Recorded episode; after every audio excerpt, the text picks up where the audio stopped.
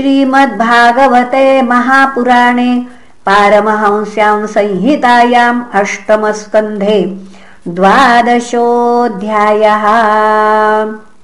श्रीबादरायणिरुवाच वृषध्वजो निशम्मेदम् योषिद्रूपेण दानवान् मोहयित्वा सुरगणान् हरि सोममपाययत् वृषमारुह्य गिरिश सर्वभूतगणैर्वृतः।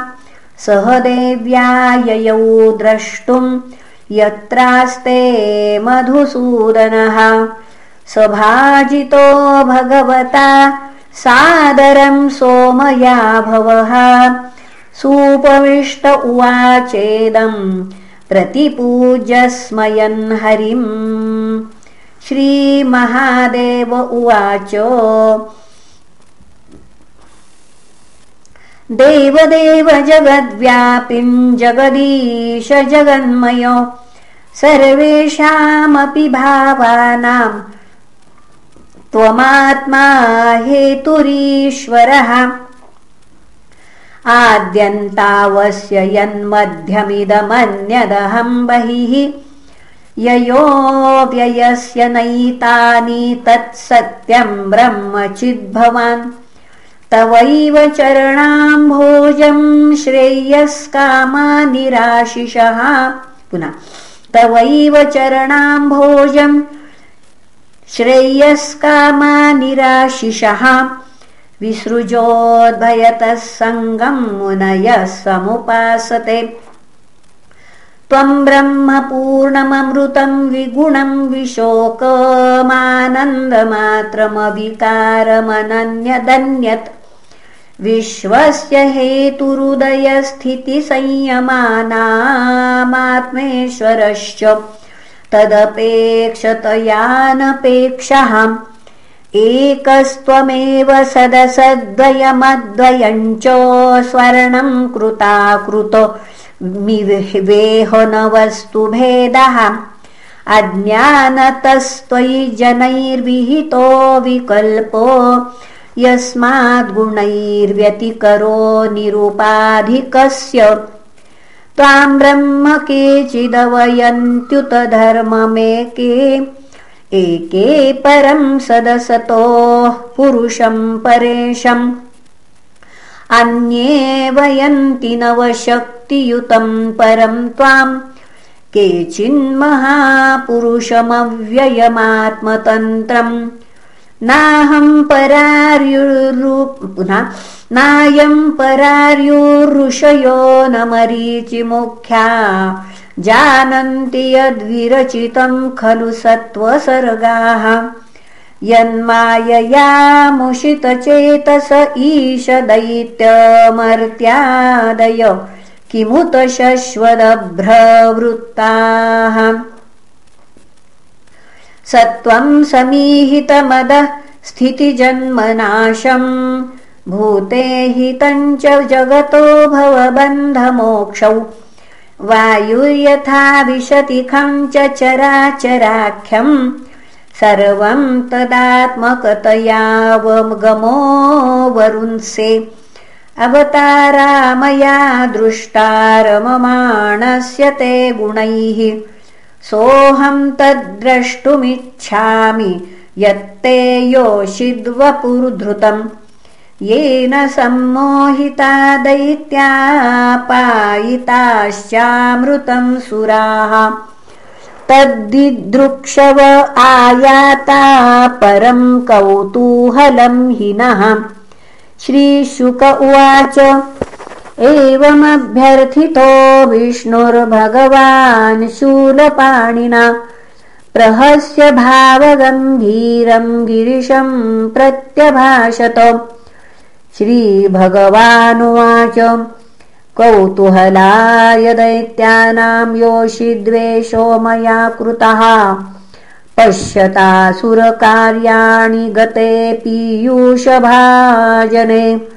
तत्तेऽहम् दर्शयिष्यामि विधिदृक्षोऽसुरसत्तम कामिनाम् बहुमन्तव्यम् सङ्कल्पप्रभवोदयम्। श्रीशुक उवाच इति ब्रुवाणो भगवांस्तत्रैवान्तरदीयत। सर्वतश्चारयंश्चक्षुर्भव आस्ते सहो मया ततो ददर्शोपवने वनस्त्रियम् विचित्रपुष्पारुणपल्लवद्रुमे। विक्रीडतिम् कन्दककील। पुनः विक्रीडितम् कन्दुकलीलया लसत् दुकूलपर्यस्तनितम्बमेखलाम्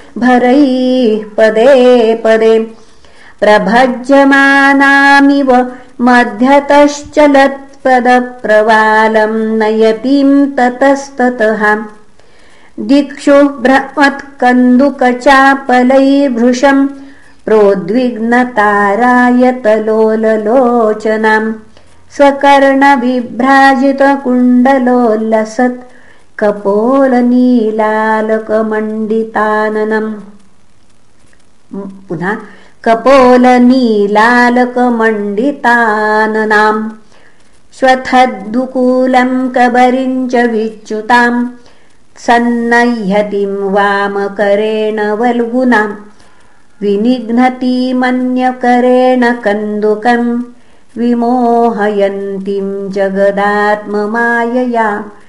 ताम् वीक्षदेव इति कन्दुकलीलयेषद्। व्रीडास्फुटस्मितविसृष्टकटाक्षमृष्टः। स्त्रीप्रेक्षणप्रतिसमीक्षणविह्वलात्माम् नात्मानमन्तिक उमां स्वगणांश्च वेदो तस्याकराग्रात् स तु कन्दुको यदा गतो विदूरम् तमनुव्रजस्त्रियाः। वासः स सूत्रम् लघुमारुतो हरद् भवस्य देवस्य किलानुपश्यतः। एवं ताम् रुचिरापाङ्गिम् दर्शनीयाम् मनोरमाम् दृष्ट्वा तस्याम् मनश्चक्रे विसज्जन्त्याम् भवः किल। तया परुतविज्ञानस्तकृतस्मरविह्वलः भवान्या अपि पश्यन्त्यागतर्हिस्तत्पदम् ययौ। सातमायान्तमालोक्य विवस्त्रा व्रीडिता वृषम् निलीयमाना वृक्षेषु हसन्ति तान्वतिष्ठत। तामन्वगच्छद्भगवान् भवः प्रमुषितेन्द्रियः कामस्य च वशम् नीत करेणुमिव यूथपहाम्। सोऽनुव्रजातिवेगेन गृहीत्वान्निच्छतीं श्रियम् केशबन्ध उपानीय बाहुभ्याम् परिशश्वजे।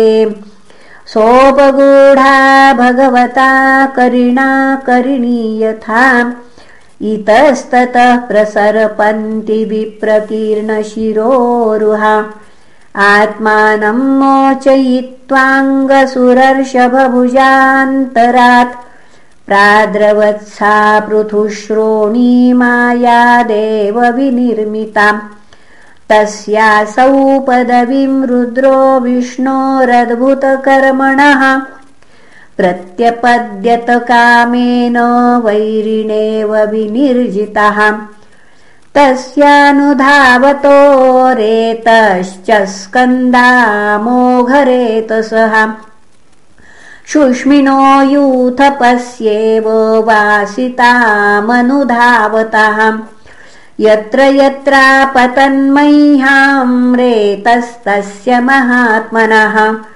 तानि रूपस्य हेम्नश्च क्षेत्राण्यासन्महीपते सरित्सरित्सु शैलेषु वनेषु पवनेषु च यत्र क्वस्य चासन्दृशयस्तत्र सन्निहितो हरः। स्कन्नेरेतसि सोपश्यदात्मानं ले देवमाययाम् जडीकृतं नृपश्रेष्ठ सन्न्यवर्तत कश्मलात् अथावगतमाहात्म्य आत्मनो जगतात्मनः अपरिज्ञेयवीर्यस्य न मेने तदुहाद्भुतम्। तमविक्लवमव्रीडमालक्षमधुसूदनः उवाच परमप्रीतो बिभ्रस्त्वाम् पौरुषीम् तनुम्। श्रीभगवानुवाच दिष्ट्या त्वम् विबुधश्रेष्ठ स्वाम् निष्ठामात्मना स्थितः यन्मे स्त्रीरूपया स्वैरम् मोहितोऽप्यङ्गमाययाम् को नु मेति तरेन्मायाम् विषक्तस्त्वद्रुते पुमान्। तांस्तान् विसृजतीम् भावान् दुस्तरामकृतात्मभिः। सेयम् गुणमयी माया न त्वामभिभवयिष्यतिम् मया समेता कालेन कालरूपेण भागशः। श्रीशुक उवाच एवम् भगवता राजन् श्रीवत्साङ्केन सत्कृतः। आमन्त्रतम् परिक्रम्य सगणस्वालयम् ययौ आत्मांशभूताम् ताम् मायाम् भवानीम् भगवान् भवहाम् शंसताम् ऋषिमुख्यानाम् प्रीत्या चष्टाथ भारत। अपि स्वव्यपश्यस्त्वमजस्य मायाम् परस्य पुंसः परदेवतायाः अहम् कलानाम् वृषभो विमुह्ये यया वशोऽन्ये किमुता स्वतन्त्राः। इयम् मामपृच्छस्त्वमुपेत्य योगात् समासहस्रान्त उपारतम् वै। स एष साक्षात् पुरुषः पुराणो न यत्र कालो विशतेन वेदः। श्रीशुक उवाच इति ते विक्रम विक्रमशारम्भन्मनः। सिन्धोर्निमथने येन धृतः पृष्ठे महाचलः। एतन्मुः कीर्तयतोऽनुशृण्वतो नरिष्यते जातु समुद्यमः क्वचित् यदुत्तमश्लोकगुणानुवर्णनम् समस्तसंसारपरिश्रमापहम् असदविषयमङ्घ्रिम् भावगम्यम् प्रपन्ना नमृतममरवर्या नाशयत सिन्धुमथ्यम् कपटयुवतिवेषो मोहयन् यः सुरारींस्तमहमुपसृतानाम् कामपूरम् नतोऽस्मि इति श्रीमद्भागवते महापुराणे पारमहंस्याम् संहितायाम् अष्टमस्कन्धे शङ्करमोहनम् नाम द्वादशोऽध्यायः श्रीकृष्णार्पणमस्तु। हरये नमः हरये नमः हरये नमः